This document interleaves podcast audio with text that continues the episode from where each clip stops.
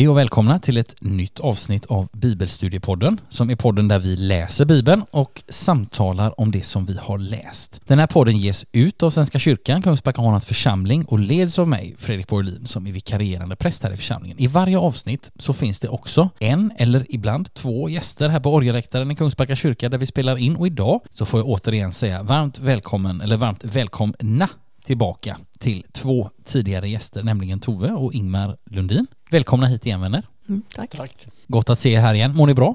Ja.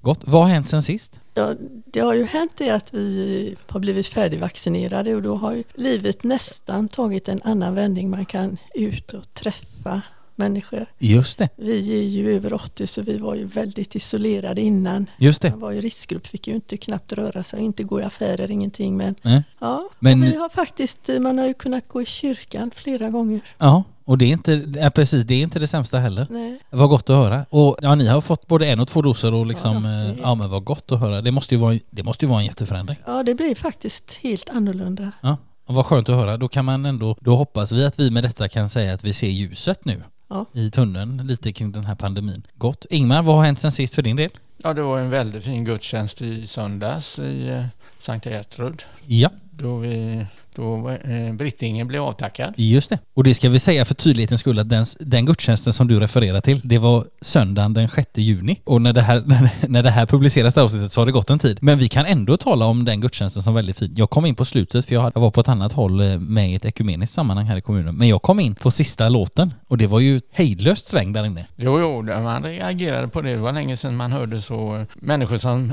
med sån entusiasm sjöng och högt ja. var det. Och, ja. Nej, det var väldigt fint. Gott. Jag hoppas att vi har, får uppleva fler sådana gudstjänster den här sommaren och, och, framöver. Men, eh, men ja, vad gott att höra om för er som var där hela gudstjänsten och inte som jag kom på slutet från ett annat sammanhang. Ja, ni ska som sagt känna er mycket varmt välkomna hit. Ni var ju här, vill jag minnas, när vi läste Johannes 9. Ett kapitel som skulle man kunna säga handlar om, nu ska vi inte prata om Johannes 9 idag, men om, jag minns det kapitlet som att det handlar egentligen bara om en enda sak, nämligen Jesus botar en blindfödd och efter det så kommer ju en lång diskussion med fariseerna och det, allting handlar egentligen om en och samma sak skulle man kunna säga. Det kapitlet som vi ska läsa idag, Apostlagärningarna 17, det är inte inte en lika tydlig enhet i den, för det här händer lite olika saker. Men vi ska ändå om en stund försöka oss på att, vad ska vi säga, sammanfatta det här kapitlet på något enkelt sätt. Vi ska se om vi lyckas med det. Men först så ska vi förbereda oss genom att gå in i dagens läsning och samtal och vi ska göra det på bästa tänkbara sätt, nämligen genom att be. Jag knäpper mina händer, du som lyssnar är varmt välkommen att göra det tillsammans med mig. Låt oss be. Kära Herre, så ber vi dig nu att du öppnar ditt ord för våra hjärtan och våra hjärtan för ditt ord. Amen.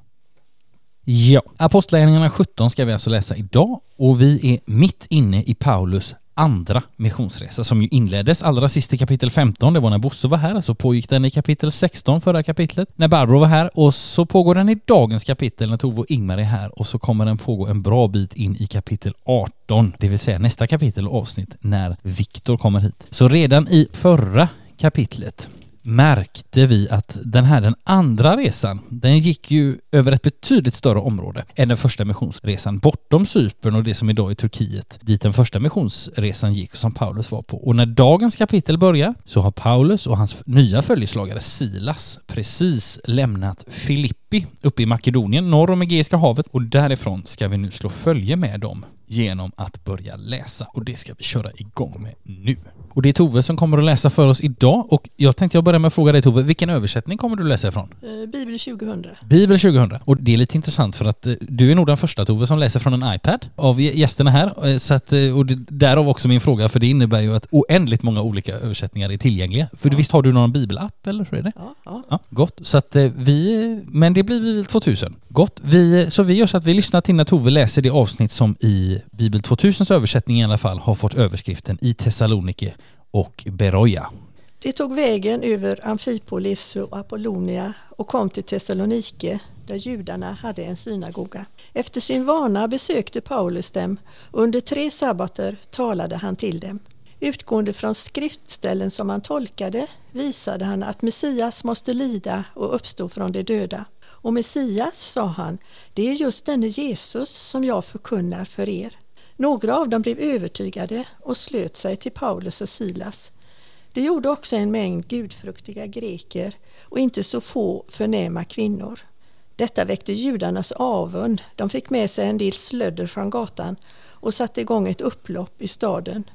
De samlades utanför Jasons hus och försökte få tag på Paulus och Silas för att ställa dem till svars inför folket. När de inte kunde hitta dem släpade de Jason och några andra bröder inför stadens styresmän och ropade Dessa som har vållat oro i hela världen har nu kommit hit också och Jason har tagit emot dem hos sig. De bryter alla mot kejsarens förordningar och säger att det är en annan kung, en som heter Jesus. Med detta hetsade de upp folket och stadens styresmän. Jason och de andra fick ställa borgen och frigavs sedan. Samma natt skickade bröderna iväg Paulus och Silas till Beroja. Så snart de kom dit gick de till synagogan. Judarna där var mer vidsynta än de i Thessalonike. De tog emot ordet med stor beredvillighet och forskade dagligen i skrifterna för att se om allt detta stämde. Många av dem kom till tro, liksom åtskilliga ansedda grekiska kvinnor och män. Men när judarna i Thessalonike fick veta att Guds ord förkunnades av Paulus också i Beroja gav de sig dit och hetsade upp folket även där. Då såg bröderna genast till att Paulus kom iväg ner till kusten. Men både Silas och Timoteus stannade kvar. De som förde Paulus från Beroja följde honom ända till Aten och återvände sedan med bud till Silas och Timoteus att de skulle komma till honom så fort som möjligt.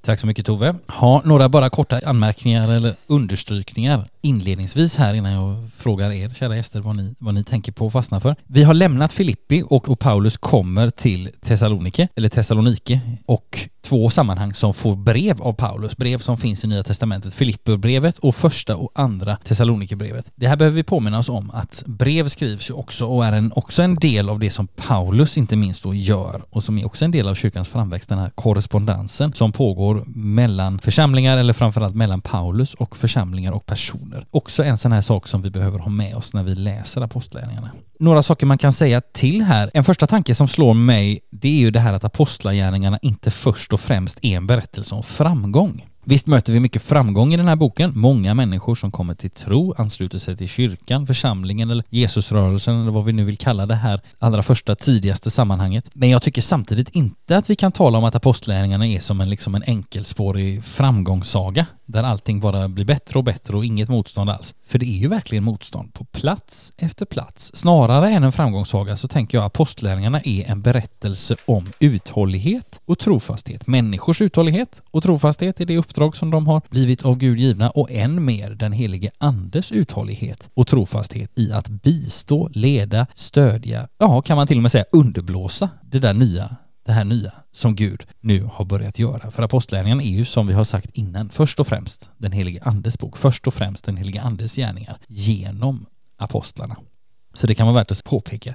Sen bara någonting också inledningsvis om geografin, förflyttningen som sker här, alltså från Filippi som ligger uppe i Makedonien norr om Egeiska havet så går resan vidare västerut. Och Makedonien det betecknar ju vid den här tiden en romersk provins som sträcker sig tvärs över Balkanhalvön från Chalkidiki till och Trantosundet tror jag det heter. Alltså, och en romersk väg via Ignatia löper genom provinsen som en huvudförbindelse mellan Italien och Främre Orienten. Och i det här avsnittet så nämns ju också flera platser som resan går via eller till. Det ska vi bara säga något kort om, alltså Amfipolis och Apollonia. Det var städer sydväst om Filippi, vid och på halv, den här halvön Chalkidiki. Och de var anhalter på den här också vägen via Ignatia som, som gick här genom området. Och sen kommer Paulus och Silas fram till Thessalonike som var och är en stad vid Egeiska havets nordvästra vik och då också huvudstad i den romerska provinsen Makedonien. Idag Greklands näst största stad. Så den finns fortfarande och är ytterst levande. Men nu vill jag fråga er vänner, vad tänker ni på? Har ni fastnat för något särskilt här i, i det här avsnittet?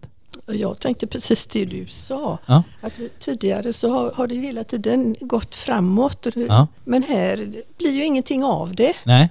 Men samtidigt så undrar jag, om man nu ser här, han kom här till Thessalonike. Ja. Och eh, det var judarna som blev arga och jagade bort dem ja. med det här slöddret som det står. Men det var många som blev övertygade. Det var gudfruktiga greker, inte så få förnäma kvinnor. Nej, just det. Så det var, var det kanske så att i Thessaloniki församlingen där var det mer hedningar, så kallade hedningar, än judar. Ja. Det blev det, blev det så sen när församlingen kom igång?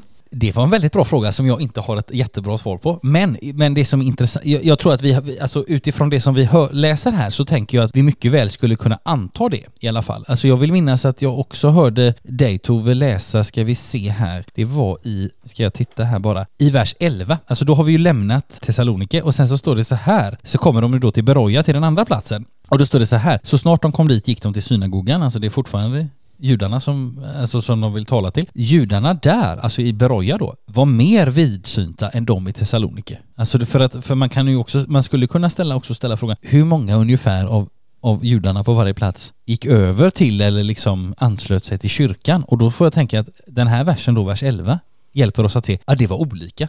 Mm. Så förmodligen får vi anta det som du var inne på där Tove, att i Thessalonike, de som fick upp ögonen för detta och anslöt sig, det var mer hedningar, men i Beroja så står det att judarna var, där var mera vidsynta än de i Thessalonike. Det, det vill säga, de var mer intresserade av det som, eh, som Paulus eh, förkunnade helt enkelt. Men sen tycker jag lite konstigt detta att det blev eh, förföljelse eller att de gav sig på Paulus och så för att det måste ju funnits en livaktig församling sen i alla fall i och med att han skrev breven till Salonikebreven. Ja precis, samtidigt som man ibland kan fundera på vad är anledningen till att Paulus skriver sina brev? För, att, för man kan tänka så här, eller var det kanske så att han skrev breven för att de inte var så livaktiga? Alltså att de verkligen behövde, de, de behövde verkligen få mycket uppmuntran och därför så får de till och med fått två brev som är bevarade till våra dagar. Men det måste ju funnits ett antal människor i alla fall. Ja, det, ja men det måste det. Han kan ju inte ha skrivit ett brev till en församling som inte finns. Det, det kan jag, vi... jag tycker detta är lite... Mm. Men kom, kom man tillbaka dit sen, då kanske det blir fler. Ja, nu ska vi se här, nu ska vi fundera på, det var ju också en mycket bra fråga. Kommer han tillbaka dit sen? Det vågar jag inte svara på. Vi får se. Jag, alltså han, man kan säga så här, också på den tredje missionsresan så reser ju Paulus genom Makedonien. Sen om det faktiskt står att han stannar till i Thessaloniki eller inte, det, det vågar jag inte svara på på rak arm. Eh, däremot så får man tänka att eftersom det står att han reser genom eh, Makedonien så får vi anta att han varför skulle han inte stanna till i Thessaloniki om det finns en församling där? Alltså för det är ju det som är syftet med hans resor också, att, att så att säga vinna lärjungar och att också stötta de församlingar som har planterats, eller vad vi nu ska kalla det. Gott. Något annat som ni tänker på här vänner? Jag tänkte på det du sa nyss också här om eh, förföljelsen och så. Mm. när jag läs, läste igenom det här igår för att vara lite förberedd så, ja. så tänkte jag på hur var det när kristendomen kom till Skandinavien egentligen? Ja. Och det här tog jag reda på häromdagen. Eh, ja. Det var en annan fråga. Och det var ju inte förrän på 1100-talet. Nej. Och då stod det, det där jag läste det att eh, de eh, missionärer som kom togs inte emot särskilt väl. Nej. Man slängde sten på dem och annat. Mm. Så att eh, motståndet mot eh, kristendomen har ju funnits hela tiden. Ja men absolut. Och finns även idag. Mm. Man blir ofta så upprörd idag när man hör talas om förföljelse men det har ju varit så genom årtusenden ju. Ja men precis, vi kan slå upp apostlärningarna till exempel kapitel 17 och läsa om det. Mm. Eh, vi kan också läsa, vi kan läsa evangelierna. Jesus förvarnar oss. Så det, men, men visst, som du säger, man, man blir ändå förvånad, eller vissa blir förvånade kring detta, men, men visst är det så att det här också väcker motstånd. Det vet jag Elisabeth i introduktionsavsnittet påpekade att där Guds ande är med, där är det inte heller alltid autostrada vill jag minnas att hon sa, utan det, också, det blir också, väcker också motstånd liksom. Sen tänkte jag på en annan sak här också. Det är ju att eh, man förknippar gärna Paulus med rangordningen av kvinnor. De, ja. de blir lite satta, satta åt sidan. Va? Ja. Kvinnan tiger i församlingen och sånt där. Ja, det, det, det, det, dyker ju upp då och då. Och när jag läser det här och såg också i, i, kapitlet innan, jag har aldrig tänkt på det förut. I eh, kapitlet innan är det ju en, en eh, kvinna där, det var väl hon som hade några tyg. Ja, Lydia tänker du på. Mm, mm. Och hon fick ju till och med övertyga Paulus att han skulle övernatta hos henne. Mm. Och sen kommer det här två tillfällen här så står det att eh, grekiska kvinnor och tydligen inte vilka som helst ja, just det. kom till tro. Mm. Och hur, varför skriver Lukas så här då tänkte jag? Mm. Är det så att apostlagärningarna skrevs senare än Paulus brev? Mm. Och eh, Lukas ville ge en bättre, eller ja, vad ska man kalla det, en annan syn av Paulus när det gäller förhållandet till kvinnor. Eh, och jag vet inte om det står om kvinnor så eh, här i Apostlagärningarna senare också. Jag har aldrig tänkt på det förut. Nej. Men igår började jag fundera. Alltså för att ge ett, ett, ett, svar som inte blir, vad ska vi säga, som inte blir komplett så, så tänker jag så här att dels så är ju, det kan vi ha med oss som en första grej, dels så vet vi ju att Lukas när han skriver och när vi tittar på hans evangelium och jämför dem med de andra tre evangelierna så, så inser vi att Lukas lyfter upp kvinnor mer. Han berättar om de kvinnor som följde Jesus och så vidare på tydligare än vad de andra evangelisterna gör. Och därför är det en av många anledningar till att det är så gott att vi har Lukas evangeliet i Bibeln så att vi får också med den biten så att säga. Det är det ena. Sen kan man då fundera på när skriver Lukas det här? Ja, det gör han väl i Rom, förmodligen strax efter Paulus martyrdöd, alltså mitten på 60-talet eller något därefter får man tänka sig. Det är ju på ett sätt möjligt att han vill på något sätt, vad ska vi säga, att han vill på något sätt som jag uppfattar att du lite frågar efter Ingmar, försöker han liksom polera upp Paulus lite? Ja, ge en bättre... Ge en bättre bild av... Att han var inte så illa mot kvinnor som man kanske tror ibland. Ja, och jag, tänk, jag tänker så här att jag tror inte att Lukas har skrivit om en... Han har inte behövt... Jag tror inte att han har putsat upp Paulus för att Lukas kan ju till exempel, det, det såg vi i förrförra kapitlet, i kapitel 15, så såg vi ju det här att Paulus och Barnabas blev så mycket ovänner att de åkte åt olika håll. Och det väljer ändå, det väljer ändå Lukas att berätta om till exempel. Vi kommer, jag tror, det är ju förra kapitlet, den här flickan med den här spårdomsanden. Och det står att hon eh, följer efter dem och sen så förlorar Paulus till slut tålamodet och driver ut den här. Och jag tänker, det är inte heller så uppsminkat att säga det. Alltså vill man göra ett helgonporträtt av Paulus så skriver man att han hade ett oändligt tålamod trots att hon ropade i flera veckor. Nej men det är det andra. Och sen så den sista saken jag vill säga om detta så inte svaret på den här frågan tar hela avsnittet. Jag tänker så här, när vi ska få, om man får säga så, få koll på den första kyrkan så behöver vi läsa i apostlagärningarna och vi behöver läsa i breven för att liksom lägga pusslet. Sen får vi aldrig hela pusslet helt klart för oss för vi, det finns brev som har skrivits som vi som är gått förlorade och så vidare. Men vi, vi behöver för att få en blick på den tidiga kyrkan läsa i både apostlagärningarna och breven.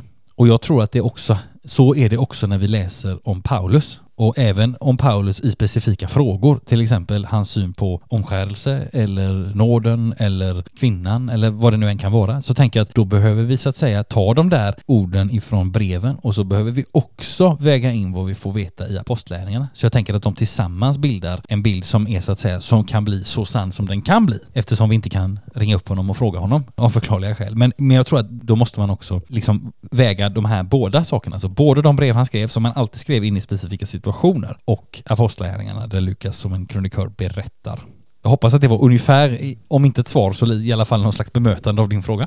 Några saker som man kan notera här också, det kan vara lite intressant, vi, vi var ju inne på detta för en liten stund sedan, det här med hur många, att judarna i eh, liksom den judiska gemenskapen på ett ställe var mer mottagligt än på ett annat. Alltså i Beroja gick det bättre än i Thessaloniki helt enkelt och det hjälper oss att se också att det förmodligen så såg försam eller det vet vi att de gjorde, församlingarna såg ju olika ut när det gällde hur många, hur stor andel som var hedna kristna och hur många som var judekristna i de olika församlingarna. Men det är också intressant att notera att Paulus sin vana trogen, det hörde vi Tove läsa i vers 2, sin vana trogen går han till synagogan trots att vi har hört honom säga tidigare nu går vi till hedningarna. Det sa han ju i, ska vi se, 1346. Men Paulus kommer att upprepa den här föresatsen med mera emfas i nästa kapitel. Då kommer han liksom att säga nu går jag till hedningarna och den här gången menar jag allvar ungefär va? Och Alltså under sammanlagt tre sabbater är han där i det, i det första sammanhanget och Lukas summerar Paulus förkunnelse. Utgående från skriftställen som han tolkade visade han att Messias måste lida och uppstå från de döda och sedan förklarar han om Messias, det är just den Jesus som jag förkunnar för er. Det läser vi om i vers 3. Jesu lidande, död och uppståndelse står alltså i fokus i förkunnelsen. Och sen, och det kan vara lite intressant också att, tänka på det här med Jasons hus. Här introduceras ju en ny person och hans fastighet och vi får inte höra någonting direkt mer om honom, vad det verkar, inte här i alla fall. Alltså att den här mannen, och det får vi tänka, vad betyder det? Ja, att den här mannen Jason införs utan vidare presentation beror ju möjligen på att han var känd i urkyrkan. Alltså, han behöver ingen presentation för de första läsarna. För oss är han okänd. Samma namn förekommer i Romarbrevet 16 och 21 där vi läser så här. Min medarbetare Timoteus hälsar er, liksom mina stamfränder Lucius, Jason och Sosipatros. På liknande sätt så uh, införs ju andra namn också utan någon presentation. Till exempel en Alexandros i kapitel 19. Men som sagt, det, det, det, här är en person som vi inte kan veta så mycket om mer än att han har ett hus uppenbarligen. och det, kan ju, det är ju mer än vad vi vet om vissa andra. Och sen i vers 10 så blir det en förflyttning igen. Den här gången till Broja då som sagt, som ligger åtta mil väster om Thessaloniki. Och resan fortsätter alltså som sagt västerut, längs liksom Egeiska havets nord, alltså på nordsidan där. Och det blir en blandning av framgång och motstånd. Men får jag säga något om Jason som jag har läst ja. på ett annat ställe? Jättegärna. Det står att Paulus han talade tre, tre sabbater i synagogan. Ja. Men det, han, eh, det finns tankar om att han var där längre för han skriver någonstans i något av Thessalonikerbreven att han inte låg någon till last utan att han själv skötte sitt uppehälle. Och han det, var ja. ju eh, tältmakare och då måste han ju få ett jobb någonstans och antagligen så jobbade han hos Jason. Är ju han hade sån här verkstad. Ah. Okay. Och då bodde han där hos ja. honom. Var det här så att säga... Det, och då det är jag ju... med, med utgångspunkt från något av Thessalonikerbreven. Intressant. Ja, för, för jag, alltså jag känner ju igen den här, det här som du säger, att inte ligga någon till last. Jag kan ju inte på rak arm säga vad det står nu. Och då, jag tänker för att rädda det här lite snyggt att, att eh, du eh, fick mig där nu, så tänker jag, då kan vi säga så här, då får vi ännu en påminnelse på detta. Läs eh, Apostlagärningarna och läs breven. För här är, och, och jag menar det som vi hörde Tove läsa allra sist här i dagens kapitel, då såg bröderna genast till att Paulus kom iväg ner till kusten. Men både Silas och Timoteus stannade kvar. De som förde Paulus från Beroja följde honom ända till Aten och återvände sedan med bud till Silas och Timoteus att de skulle komma till honom så fort som möjligt. Alltså här finns ju också, alltså han behöver pipa iväg därifrån. Och där har vi ju också utgångspunkten för Thessalonikerbreven, att han kunde inte stanna där så länge som, som han velat kanske. Men tack för, denna, för detta påpekande Tove, mycket bra.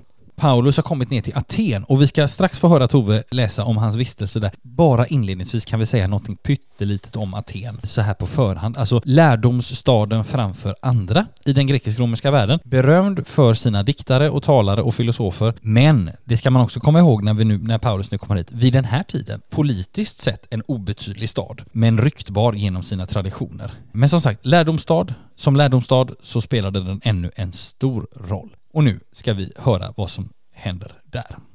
Medan Paulus gick och väntade på dem i Aten blev han upprörd i sitt innersta när han såg alla de avgudabilder som fyllde staden. Han talade i synagogan till judarna och de gudfruktiga och på torget var dag till dem som uppehöll sig där. En del filosofer, både epikureer och stoiker, inlät sig då i diskussion med honom. Några sa, vad är det för visdomskorn den där har snappat upp? Vart vill han komma? Och andra, han är tydligen en som vill införa främmande gudar. Paulus predikade ju budskapet om Jesus och uppståndelsen.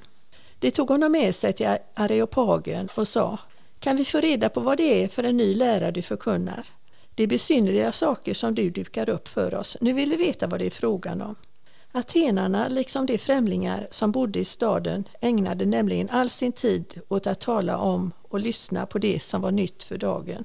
Tack så mycket Tove. Nu är alltså Paulus ensam, men knappast sysslolös. Alltså texten påminner oss om det som vi redan har hört, att Aten är en lärdomsstad. Här finns filosofer. Bland annat nämns ju då epikurer och stoiker och det ska vi bara helt kort säga någonting om, för det kan vara lite intressant. Vad var det för typer? Vad tänkte de och trodde de och sådär? Ja, till att börja med, båda de här rörelserna, epikurism och stoicism, var filosofiska riktningar grundade omkring år 300 f.Kr. av Epikuros respektive Zenon.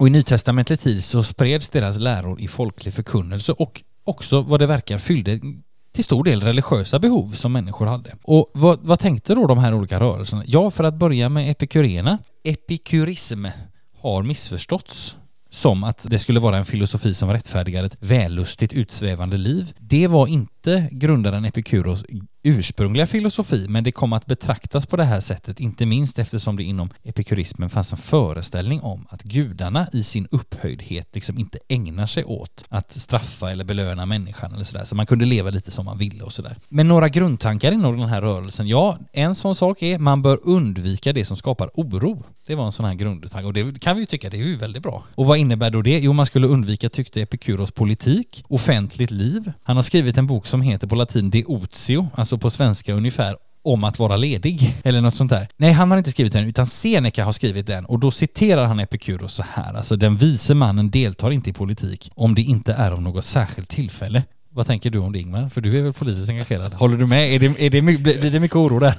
Ja, ja. Har du någon gång tänkt den tanken som, som Seneca åter, återger här Nej, för Epikuros? Nej, det kan jag inte säga. Nej, Nej men det var gott. Då, då, då är du i ett sammanhang du trivs. Det, det gläder mig. V vad säger den här Epikuros mer? Jo, man bör leva i stillhet bland sina vänner en epikuriansk maxim som passar in på det här mottot är lev i skymundan eller lev gömd. Det är en sån här sak, att undvika offentligheten. En annan sak är att människan bör söka de ting som ger lust men inte nöjesliv och tillfällig njutning utan det där liksom livets goda som leder till varaktig lycka. Man bör alltså enligt epikurismen ha god kontroll över sina njutningar. Njut men med förnuft skulle man kunna säga. Och frånvaron av smärta är det högsta goda.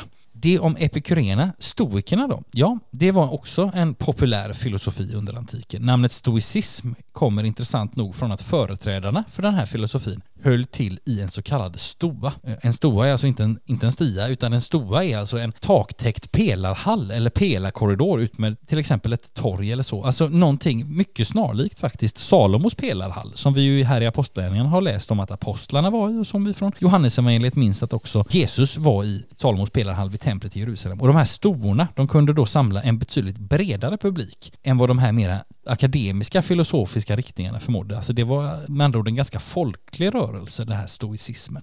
Endast fragment finns bevarade från de tidiga stoikerna, men flera av dem omnämns i verk av till exempel Cicero, som är en känd skriftställare i antiken. Bland de stoiker vars verk är mer välbevarade så finns till exempel Marcus Aurelius, Epikteto och Seneca den yngre. Och stoicismen fick senare ett starkt inflytande över bland annat kristendomens utveckling. Så det här är lite intressant och under modern tid har intresset för stoicismen faktiskt ökat även utanför akademierna. Och de antika stoikerna ansåg att alla filosofiska ämnesområden tjänar ett och samma syfte, att förändra människors sätt att leva. Vidare menar stoikerna att alla filosofiska ämnesområden är lika viktiga och de liknade filosofin vid ett djur eller ett ägg där varje liten beståndsdel är avgörande för att helheten ska hålla samman och fungera. Vi kan tänka då lite på Paulus, han talar om att församlingen är en kropp. Alltså det kanske var ett sätt att tala som också människor som hade mött stoicismens idéer kunde känna igen sig i. Det högsta målet i stoicism det är det grekiska ordet arete som vanligen översätts med dygd som också kan översättas med excellens eller fulländad förnuftighet och sådär. Alltså de menar att dygd är det enda som är gott eller bra. Alltså det är den enda vägen till verklig lycka och verkligt liksom själsligt välmående.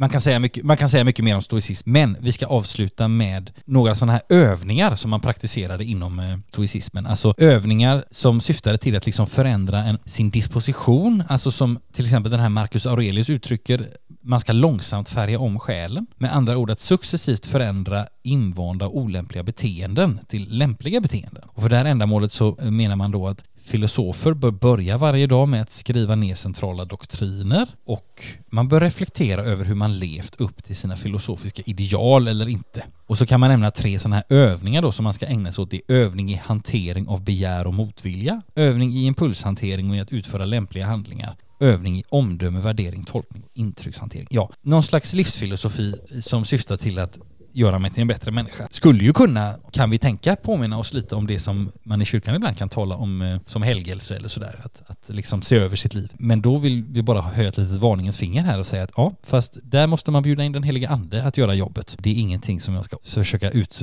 utverka själv. Det kan vara bra att påpeka.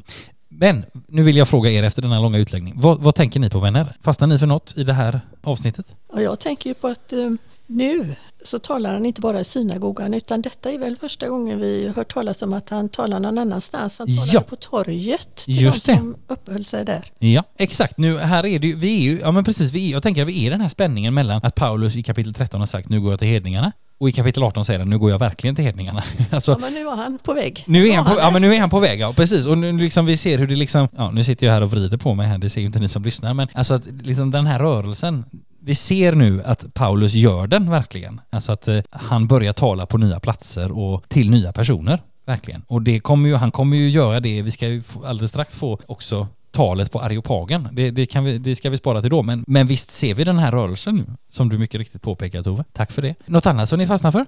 Jag tänker på eh, eh, språkbruket här. Ja. Normalt när man läser Bibeln så är det lite högtidligt men här är det plötsligt, det var slödder pratas om och så säger de så här, vad är det för visdomskorn den där? Just det. har snappat upp. Ja. Och detta var i Bibel 2000. Nu ska jag slå över här till vad det står i folkbibeln. Ja. Vad kan den där pratmakaren vilja säga? Ja, just det. De hade inte till mycket till övers för honom verkar det som. Nej. Men ändå ville de lyssna för det var ja. detta att de, de var det som hände, det nya, det ville de kolla upp om det var något man kunde Ja. De, de var ju väldigt upptagna med det som var nytt för dagen, fick vi ju Ja. höra. Men du, då måste jag fråga, eftersom du sitter med den här fantastiska iPaden och kan slå över. Jag reagerade också på uttrycket slödder. Och då undrar jag, hur översätter folkbibeln det? För det, för det var, alltså jag tänker att det är ganska, det är ganska, hår, ganska hård, ett ganska hårt Nu ord. ska vi se vad det var för vers. Tog med sig en del löst folk från gatan. Ja, just det. Det var, ju en, det, var ju lite, det var ju ett enklare begrepp att förstå. Löst folk från gatan. Sen kan man ju fundera på vilka är då det, men man kanske kan tänka ungefär som den här folkhopen som blir upphetsade att ropa korsfäst. Alltså att det är liksom folk som hänger där och som kan, alltså som inte har någonting att, gö- att göra med det som sker, men som ändå blir liksom indragna, lå, eller låter sig dras med på något sätt. Men jag, jag håller med dig Tove, jag reagerar också på det här slödet och också det här andra som du sa, det här att vad är det där för visdomskon han kan ha plockat upp. Och det är intressant. Ja, och pratmakare. ja, precis. Och det är intressant, för det ska, det ska vi komma in på alldeles strax här eh, när vi går vidare. Så ska vi notera lite som det, det första som Paulus säger här om är han ironisk eller vad är han artig? Vi ska kolla på det. Men Ingmar, du hade någon tanke också vet jag och du kanske hade fler tankar också Tove, så är de varmt välkomna. Nej, men om man läser här om atenarna så verkar det som de bara höll på att diskutera filosofiska frågor och sådär. Ja. Och kan man fråga sig varför tar man inte fram här i, lyfta fram här, vad, vad, det kan ju inte bara varit att man dagligen pratade om eh, filosofi och meningen med livet och sådär. För Nej. eh, det måste ju ha funnits någon annan verksamhet också, men den tar Ja. man inte fram här. Nej? Men å andra sidan så vet vi ju att Grekland och fil- den filosofin som kommer där Ja. har ju påverkat oss genom alla tider. Ja. Jag menar, vi säger ju att demokratin kommer egentligen därifrån, Ja. det begreppet. Vi har Archimedes, Archimedes princip, han var väl också härifrån om jag inte minns helt fel. Nej, Det låter, det låter bekant ja. Så eh, det är klart att det var väl speciella tankegångar också här i Aten. Ja. Så att, eh, och nu kom då Paulus med nya tankar som de inte hade hört förut. Det är klart att Ja det blev spänningar där, men jag tror också att många lyssnade noga på honom. Ja men det tror jag också. Och sen kan man ju fundera lite på det här, jobbar inte folk? Eller vad, vad höll de sig till där på torget? Jag tänker att den här filosofiska diskussionen också var någonting lite elitistiskt, det vill säga det var de som hade råd att stå på torget hela dagarna som kunde göra det. Och så kan man ju också tänka på om man säger att demokratin började i Grekland. Ja det gjorde den, men det var ju en demokrati inom situationstecken för det var ju fria män. Och det var ju bara någon liten procent kanske av, av alla som, som hade rösträtt. Sen har, har, har vi tack och lov utvecklat den. Eller inte vi har inte utvecklat den, men den har utvecklats ska jag säga, så till att eh, bli, bli liksom Nej, men Verklig. idé- idén kommer ändå från eh, Absolut, grekerna, ja absolut. Eh, och sen är- kan ju idéer förfinas liksom. Nej men det, man skulle ju önska på ett sätt som du säger att varför kan inte Lukas berätta lite mer om de här tankarna och, och, och vilka strömningar det var och, och, och sådär för att nu måste vi ju gå omvägen via lite uppslagsverk och sådär men samtidigt, och då, det kan man ju ställa också i ljuset, varför skriver Lukas detta? Skriver han det? Och det var vi ju inne på för länge, länge sedan i första avsnittet. Varför skriver Lukas apostlagärningarna? Vem är den här Teofilos som, som får den här skriften? Är det alla vi? som är intresserade och vill läsa? Eller är det en specifik person som har beställt det här av någon anledning och som kanske antingen inte var intresserad av det här som hände i Aten utan han var intresserad av det kristna budskapet. Eller som kanske visste allt redan om vad som pågick i Aten och därför inte behövde ha en redogörelse för det. Men det, men det kan man ju fundera på. Det är ju samma som det här att personer ibland, Jason till exempel och andra, de introduceras bara utan att det blir ingen, det blir, vi, får inte, vi får inte veta mer och det, det kan ha olika förklaringar så att säga. Då tänker jag att vi ska börja röra oss vidare. Ja, bara en sista sak här. Alltså I vers 18 hörde vi Tove läsa en som vill införa främmande gudar. Alltså det här var ju inte helt ovanligt vad det verkar. Inte minst under det som kallas för hellenistisk tid, alltså ungefär Alexander den stores död och fram till strax före Kristi födelse, alltså ungefär 320 till 30 före Kristus, så hade ett flertal liksom kulter och olika typer av strömningar sådär, från Mellanöstern spridit sig västerut in i den grekiska världen. Så att det var liksom, eh, här var det också, Paulus är inte den enda som kommer med saker österifrån och vill lära eh, atenarna detta. Så att det, det finns en rörelse där. Och allra sist ska vi också säga, den här areopagen då som vi ska besöka nu och få höra Paulus tala på. Ursprungligen en kulle nära det här torget där rättegångar har hållits sedan mycket, mycket långt tillbaka. Men namnet betecknade senare stadens domstol mer än en faktisk plats alltså. Det var mer än alltså, domstolssammanhanget oavsett var den här domstolen sammanträdde någonstans. Så Paulus kan ha underkastat någon slags förhör Alltså det, det, det kan vi nog uppfatta det här som att det inte bara så att de vill veta mer utan det kan också handla om någon slags förhör eftersom den här domstolen också kontrollerade filosofernas undervisning. Alltså det var inte bara en brottmål idag utan det var också någon slags reglering kring vad filosofer fick säga och inte säga och undervisa och inte undervisa. Och det är alltså dit som Paulus nu förs och där ska han tala och det ska vi lyssna till nu när Tove läser Paulus tal inför Areopagen. Paulus steg fram inför Areopagen och sa Atenare, jag ser av allt att ni är mycket noga med religiösa ting. När jag har gått omkring och sett på era gudabilder har jag nämligen också upptäckt ett altare med inskriften åt en okänd gud. Det som ni alltså dyrkar utan att känna till, det är vad jag förkunnar för er. Gud som har skapat världen och allt den rymmer, han som är herre över himmel och jord, bor inte i tempel som är byggda av människohand.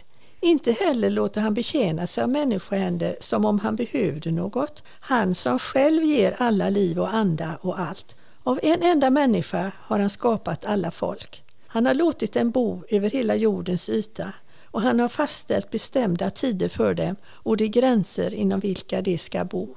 Det har han gjort för att de skulle söka Gud och kanske kunna treva sig fram till honom. Han är ju inte långt borta från någon enda av oss. Ty i honom är det vi lever, rör oss och är till, som också några av era egna skalder har sagt, vi har vårt ursprung i honom. När vi nu har vårt ursprung i Gud, då får vi inte föreställa oss det gudomliga som något av guld eller silver eller sten, eller något som en människa har format efter sina idéer och med sin konstfärdighet. En lång tid har Gud haft överseende med okunnigheten, men nu ålägger han människorna, alla och överallt, att omvända sig. Ty han har fastställt en dag då han ska döma världen med rättfärdighet genom en man som han i förväg har bestämt därtill. Det har han bekräftat för alla människor genom att låta honom uppstå från de döda. När Paulus nämnde uppståndelse från de döda var det några som gjorde sig lustiga, men andra sa, vi vill höra dig tala mer om detta en annan gång. Därmed lämnade han de församlade. Det var dock några som slöt sig till honom och kom till tro bland dem Dionysios som var medlem av Areopagen och en kvinna vid namn Damaris och några till. Tack så mycket Tove. Ja, så får vi alltså ännu ett tal till livs. Vi ska om en stund titta lite närmare efter om vi kan hitta de där tre talingredienserna som vi brukar leta efter. Men bara några andra anmärkningar först här. Alltså det här är intressant det här första som Paulus säger. Han ser att de är noga med religiösa ting. Det är intressant. Alltså inledningen är hövlig på ett sätt enligt liksom talekonstens dåtida mönster att man skulle vara hövlig och sådär för att påkalla uppmärksamhet eller, eller sådär eller liksom vädja till de lyssnande att lyssna på olika sätt. Men det här kan också vara lite ironiskt färgat, alltså på samma sätt som vi hörde liksom pratmakare eller vad är det för kon han kan ha snappat upp ungefär som en höna finner ett korn så är det inte otänkbart att även det här kan vara lite ironiskt färgat. Alltså grundtextens uttryck här noga med religiösa ting, kan också användas nedsättande för att beskriva någon slags, vad ska vi säga, ängslig vidskepelse eller sådär. Vi vet inte riktigt på vilket sätt Paulus säger detta, men nu vill jag fråga er vänner, vad, vad fastnar ni för i de här verserna?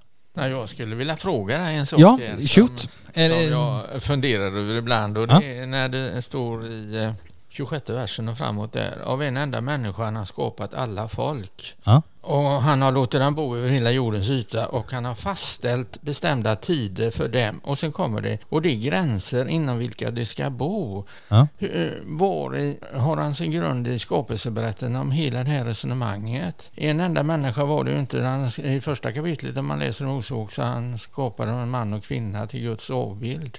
Det var ju två i alla fall. Men eh, detta med inom de gränser var människorna ska bo. Ja. Är det Afrika som har en folkgrupp? Är det Asien som är en folkgrupp? Hur, eller var har han fått detta ifrån? Ja, jag, ja, jag förstår vad du menar. Och då tänker jag så här, alltså det här med av en enda människa så, så, tror jag man, då får man nog tänka att Paulus tänker på det här med så att säga att Eva skapades av Adams revben. Alltså att det är det att liksom Adam är urmänniskan på något sätt. Nej, jag, jag, står gärna kvar i första kapitlet. Ja.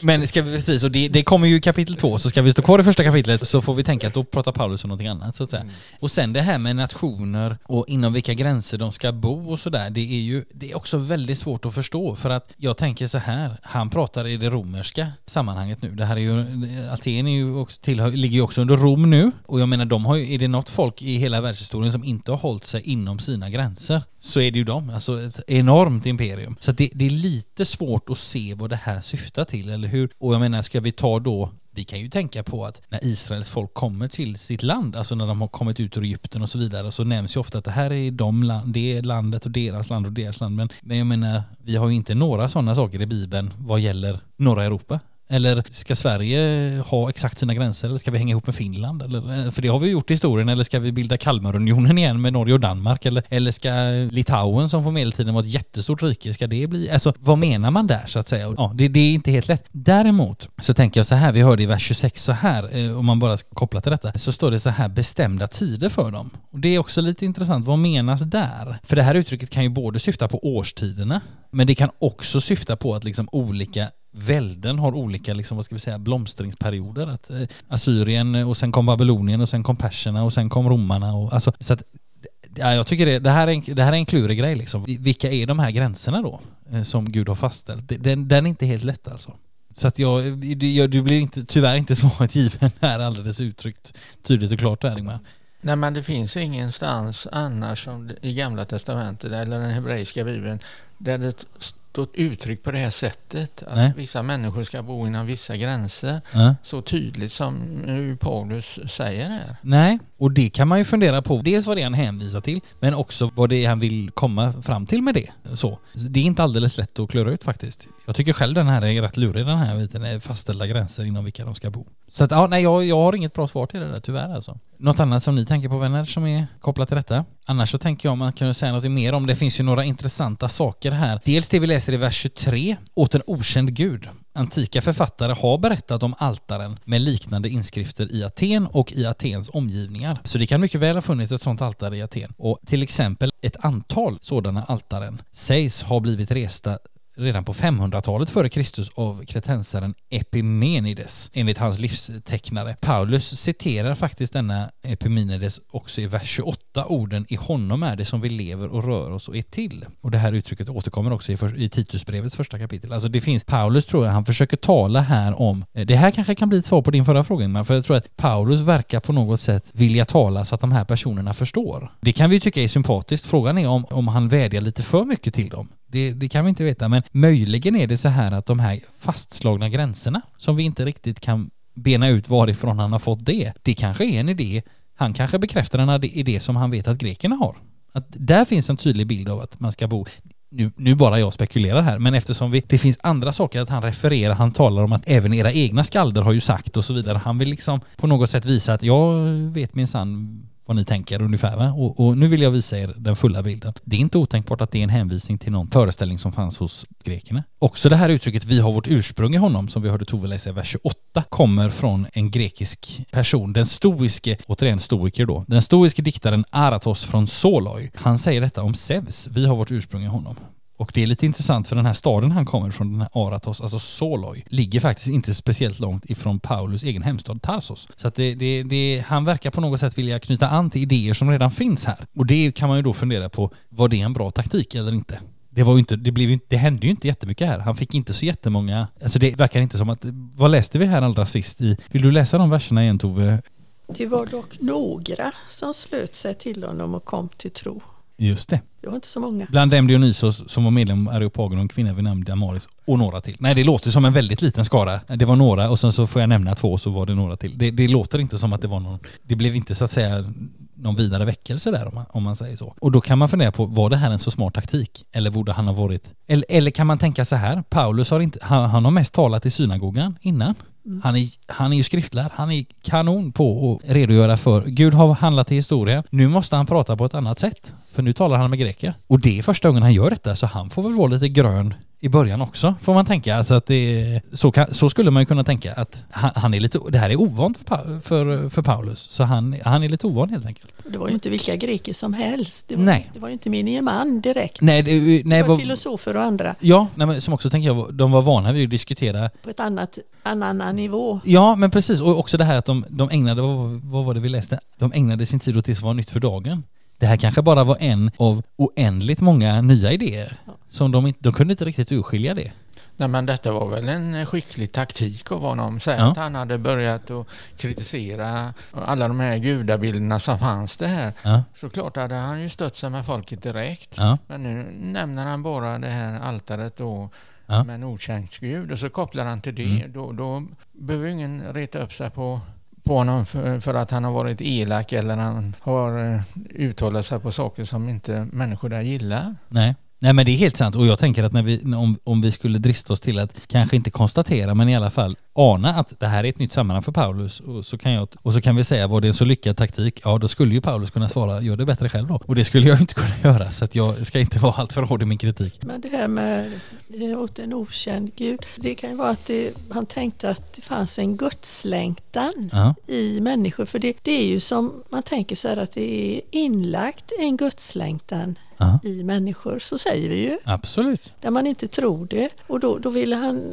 utveckla det på något vis, men det ja. gick inte så bra. Nej, nej men precis. Jag tänker att, att Paulus ingång är ju, är ju väldigt fin på det sättet att han vill på något sätt knyta an till, och vi sa innan att de här olika religiösa, eller de här olika filosofiska strömningarna också kunde fylla religiösa behov. Men det, jag tror att, jag tänker att sådana här jag-projekt, som ju inte minst stoicismen blir, att man ska liksom försöka bli bättre människa och så vidare. Det lämnar ju alltid en med en tomhet. Och det är den tomheten som Jesus kan fylla liksom. Sen det betyder inte det att alla människor i alla till, vid alla tillfällen är mottagliga för det. Och det är ju det vi ser här också. Att de var mer intresserade av det på ett annat plan än att det faktiskt var någonting som kanske betyder någonting på djupet. Men som sagt, några kom ju med. Sen talade vi bara, ska vi bara säga någonting kort också om de här ingredienserna. Vi har ju talat om det här att vi försöker leta efter tre ingredienser i alla tal i apostlagärningarna. Alltså ingredienserna, vad har Gud gjort i historien? Vad har Gud nyligen gjort i Jesus Kristus? Och vad inbjuder Gud nu människor till att göra? Och om vi ska tänka den här första ingrediensen, vad har Gud gjort i historien? Ja, det finns ju här, men här är ju inga referenser till det som vi brukar höra, både Paulus och och även Petrus har pratat om, det vill säga fädernas Gud och Mose och kung David och, och allt vad det kan vara, uttåget ur Egypten och sådär. Det finns ju ingenting här av det och det är ju helt naturligt för att det är ju inte judar han pratar med så att det, man kan inte börja i den ändan. Däremot så är det ju faktiskt det här att alltså skapelsen som vittnar om Guds verk. Alltså att Gud har, Gud har gjort saker i historien, det vill säga han har skapat hela tillvaron. Det återknyter ju faktiskt Paulus eh, till här. Så den ingrediensen finns med. Sen är det ingrediensen då vad Gud nyligen har gjort i Jesus Kristus. Ja, det är också ganska sparsmakat. Han ska döma världen med rättfärdighet kan vi läsa i vers 31. Genom en man som han i förväg har bestämt därtill. Där får vi ju Jesus. Och så i vers 32 där vi får höra om att Paulus nämner uppståndelse från de döda, vilket ju också gör att vissa reagerar. Eh, men där nämns ju Jesus. Och sen så den tredje ingrediensen, vad, vad Gud nu inbjuder till. Ja, det nämns absolut. Även om vi har sett det här ännu tydligare på andra ställen. Men här i texten så står det så här i vers 30. En lång tid har Gud haft överseende med okunnigheten, men nu ålägger han människorna alla och överallt att omvända sig. Så att det finns lite av de här tre ingredienserna, men vi märker också väldigt tydligt, inte minst när vi använder det här redskapet, att ja, Paulus han talar nu till en ny typ av publik. En fråga, du har ja. väl läst lite kyrkohistoria? I, ja, nu känns det som att det är ett förhör på gång här. Nej, jo, men, lite grann har jag gjort, ja absolut. Men hur gick det i Grekland sen och Aten? Blev det inte stor framgång för kristendom där så småningom? Hur ska jag svara på detta på ett tydligt sätt? Det kan jag inte för att så, så klart har jag inte det för mig med exakt hur det gick där eller där. Vi, man kan ju konstatera så här, vi, fick, vi har ju inga Atenarbrev i Nya Testamentet så att säga. Men det är klart att vi, vi, får utgå ifrån att liksom eftersom, eftersom kristen tro i början också rör sig väldigt mycket i östra medelhavsvärlden och i nordöstra medelhavsvärlden, alltså Turkiet, Grekland, Makedonien, så, så tänker jag att jo men det är klart att det uppstår en, någonting livaktigt där allt eftersom. Däremot så kan jag inte så att säga redogöra i detalj för det. Vilket jag ber om ursäkt för. Men... Nej, du behöver inte be om ursäkt. Nej, men, nej, men det, skulle, det skulle varit... In... oförberedd på frågan. Ja, men det, det kunde man ju vänta sig. Men, men det skulle man kunna säga som ett komplement faktiskt, att vi, vi hör ju sen ett par hundra år framåt så hör vi ju om olika kyrkomöten i Nicea och Konstantinopel och Chalcedon och sådär. Och det, det, är ju ändå också lite i samma område, alltså nordöstra medelhavsvärlden. Men vi hör inte om någonting i Aten. Å andra sidan så konstaterar vi allra först här, precis eh, när vi liksom, när Paulus skulle till att komma till Aten, alltså för en stund sedan i avsnittet, att även om Aten var en lärdomsstad och fortfarande hade liksom det ryktet om sig, så var det inte politiskt sett någon vidare stor stad. Så vi ska inte göra Aten större än vad det är vid den här tiden. Alltså för politiskt var det ganska obetydligt. Atens blomstringstid som en grekisk stadsstat så att säga, som ju är längre tillbaka i historien, den är ju överspelad vid det här tillfället. Så det är lite också, man ska inte säga före detta ort, men för, för det är nog mycket sagt, men, men den politiska betydelsen av staden är inte så stor så att säga. Det skulle kunna vara början till ett svar på din fråga. Sammanfattningsvis, alltså vi finner i det här talet då, för att, för att sammanfatta det först, så finner vi i det här talet de tre ingredienserna, om en lite annorlunda än vad vi har stött på dem vid andra tillfällen, vilket ju förmodligen beror på omständigheterna. Reaktionerna är också en smula annorlunda mot vad vi är vana vid, alltså orden innebär, ska vi kunna säga som vanligt, att vissa anslöt sig men faktiskt bara några. Motstånd i form av våld eller att Paulus drivs bort stöter vi inte på, men däremot så möts han ju med hån och mer än sån här ah, det är inte så intressant, det är lite svalt sådär. Och man skulle ju kunna sticka ut hakan och säga att det är faktiskt tänkbart att Paulus strategi här att bara tala om Gud som skaparen och också försöka liksom knyta an till föreställningar hos dem han talade till. Kanske kan vi kalla det för att kompromissa. Inte visat sig vara särskilt framgångsrikt. Men det kan vi inte veta, för vi vet ju inte hur det hade gått om han hade gjort på det andra sättet så att säga. Men så kan man absolut förstå det här sammanhanget. Men oavsett om Paulus talar i ett nytt sammanhang idag och får lite nya reaktioner och kanske inte har en jättestor framgång så är det ett, en sak säker och det är att arbetet går vidare. Men inte i dagens kapitel utan i nästa kapitel, kapitel 18. Så där någonstans så går vi in för landning i det här avsnittet och jag vill säga så här till er båda, Tove och Ingmar. Stort tack för att ni kom hit igen. Tack att vi fick vara med. Väldigt gott att ha er här igen. Och till dig som har lyssnat, hoppas att du får med dig någonting, eh, har fått med dig någonting från, från dagens läsning. Tills vi hörs igen, vilket jag hoppas att vi gör, så önskar både jag och Tove och Ingmar dig som har lyssnat allt gott och Guds rika välsignelse. Hej då! Hej!